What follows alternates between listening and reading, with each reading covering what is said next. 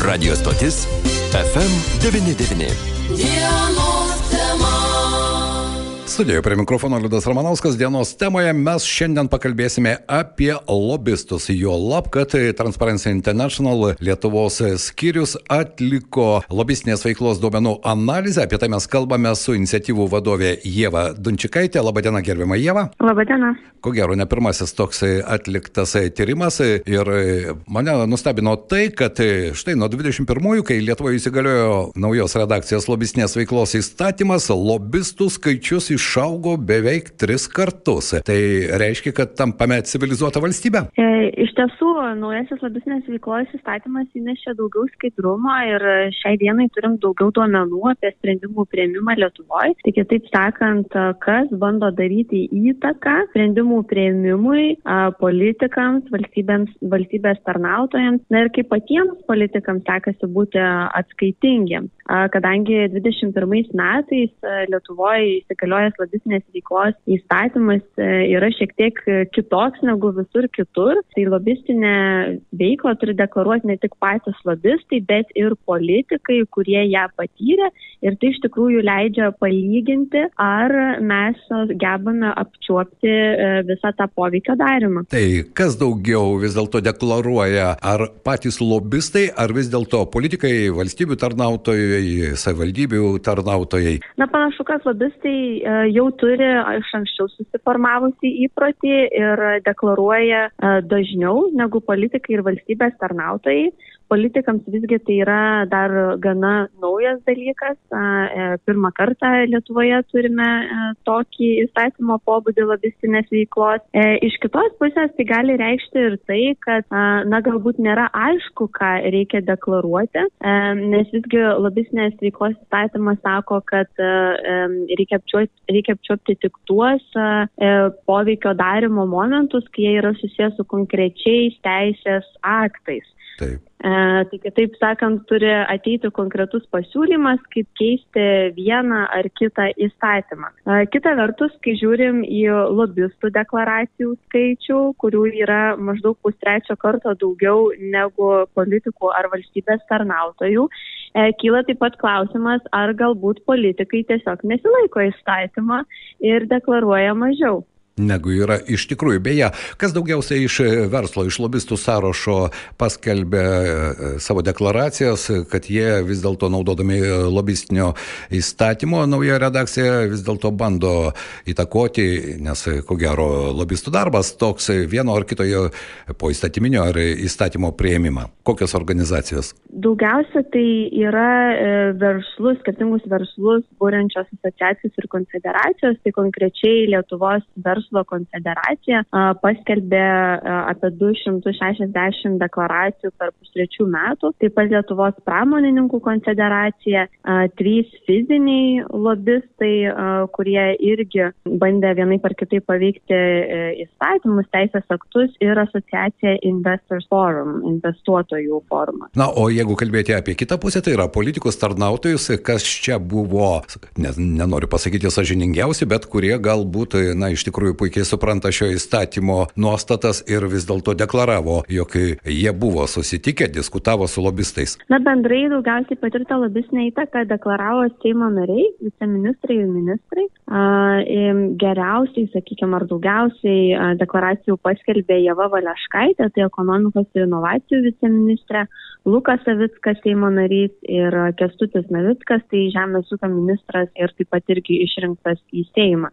Kita vertus, matom, žiūrėdami politikų deklaracijas, na, kad tik apie 200 sprendimų prieimėjų deklaravo patirtą lobistinę įtaką viešai, nors žinome, kad pagal įstatymo nuostatas, na, tokių e, politikų, kurie turi deklaruoti, e, turėtų būti apie 2000. Tai iš tikrųjų kyla klausimas, kur dar apie 80 procentų e, politikų ir sprendimų prieimėjų, e, nes tikrai ne, nesinori manyti, kad nėra tų susitikimų, kadangi mes e, su kolegomis jau kelis metus žiūrim ir į politikų darbo atvarkę darbotvarkės, tai yra, sakykime, kitas šaltinis, iš kurių galima duomenis gauti tiek į savivaldos politikų, tiek į nacionalinio ligmens. Ir ten matom tūkstančius įvairių susitikimų, ne tik su registruotais lobistais, bet ir su kitom interesų grupėm. Tai um, norisi e, tikėti, kad, na, galbūt politikai nedeklaravo, nes tokių susitikimų nebuvo, bet iš tikrųjų, jeigu pasižiūrim ir į kitus skaičius, ir į kitus duomenis, tai a, matom, kad susitikimai vyksta. Taip. Ir a, tada, kai girdim iš gyventojų, kad maždaug a, kas antras gyventojas a, mano, jog sprendimų a, prieimimas Lietuvoje uždaras, a, tai turbūt labai ir nestebina. Beje, jeigu kalbėti vis dėlto lobistų interesų kryptis, kas, kokie įstatymai po įstatymai, mes dabar kalbame apie aukščiausio lygio politikus, Seimo narius, valstybės tarnautojus, dar nenusileidome iki savivaldos. Vis dėlto kokie įstatymai ir teisės aktai buvo aktualiausi ir lobistams, ir žinoma, daugiausiai jie prie to dirbo. Um, aktyviausia įtaka per pastaruosius porą metų uh, darė dėl farmacijos įstatymo. Uh, tai daugiausiai buvo susijęs su darbo reglamentavimo klausimais, vaistų kainodara e, ir prieinamumu. E, bet taip pat labai nemažai lobistinės įtakos buvo daryta dėl teisės aktų susijusių su prekyba turgavietėse, loterijomis, elektroniniais ryšiais, tabako ir tabako gaminiais. O iki savivaldos ligmens jūs savo atliktoje analizėje nenusileidot? Ar buvo ir į tai kreipiama dėmesį, nes jūs minėjote apie 2000 tiek tarnautojų, tiek politikų, kurie turėtų iš esmės deklaruoti? Iš duomenų matėme, kad savivaldoje labai mažai politikų yra ką nors deklaravę. Tai konkrečiai tik trijų savivaldybių atstovai yra paviešinę apie 10-12 deklaracijų, kur buvo užfiksuotas įtakos darimas, kad kažkokie lobistai, verslo asociacijos atėjo su konkrečiais pasiūlymais dėl teisės aktų. Tai e, irgi kyla klausimas, ar tada aišku e, politikams savivaldoje, ką reikia deklaruoti ir kada reikia deklaruoti, e,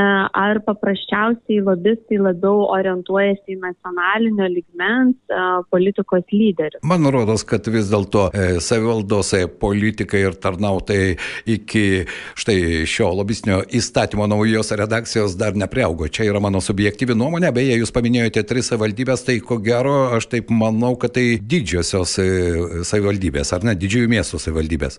Taip, pagrindę tai yra Vilniaus miesto savivaldybės atstovai, Kauno miesto e, ir viena mažesnė Kaišėdarių rajono. Na štai, o kur dar 57 savivaldybės, jūgi turime 60, ar ne?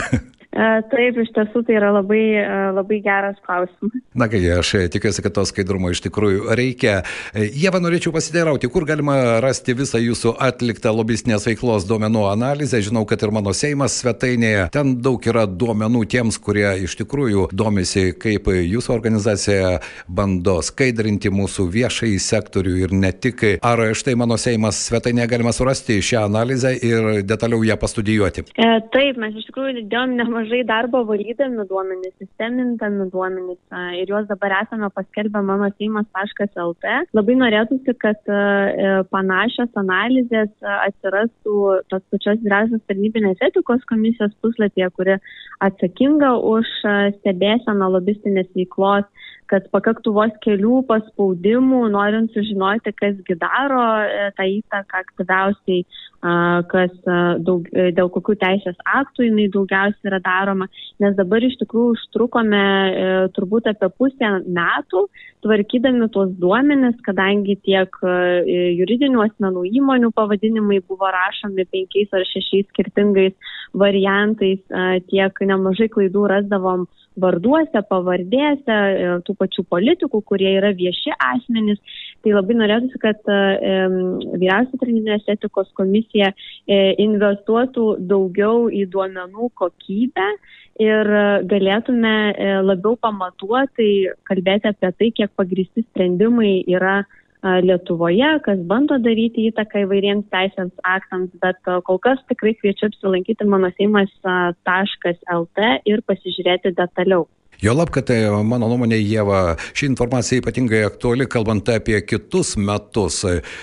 Treji rinkimai Lietuvoje ir iš esmės, na, darant savo pilietinį pasirinkimą, vis dėlto reikia žinoti, ar ne, netgi ir tokią informaciją, kiek politikas iš tikrųjų deklaravo susitikimų su lobistais, galbūt netgi po to atkreipti dėmesį į jo balsavimus priimant vieną ar kitą įstatymą ar vieną ar kitą sprendimą tiek Seimo lygmenėje, tiek savivaldos tarybose. Tai irgi yra svarbu, norint žinoti realią situaciją. Be abejo, e, tai yra svarbu ir iš tikrųjų galima pasižiūrėti ir, kadangi dabar jau žinome ir kas plius minus kandidatuos prezidento rinkimuose, tai tikrai galima pasižiūrėti ir tų asmenų deklaracijas.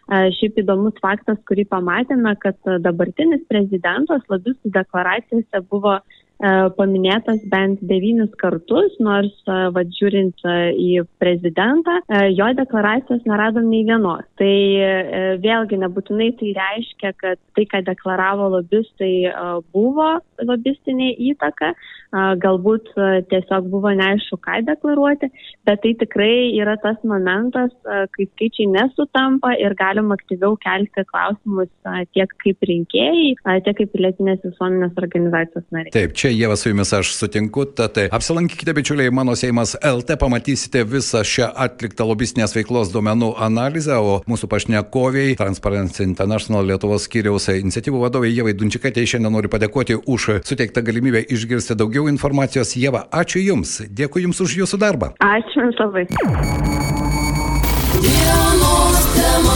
FM 99.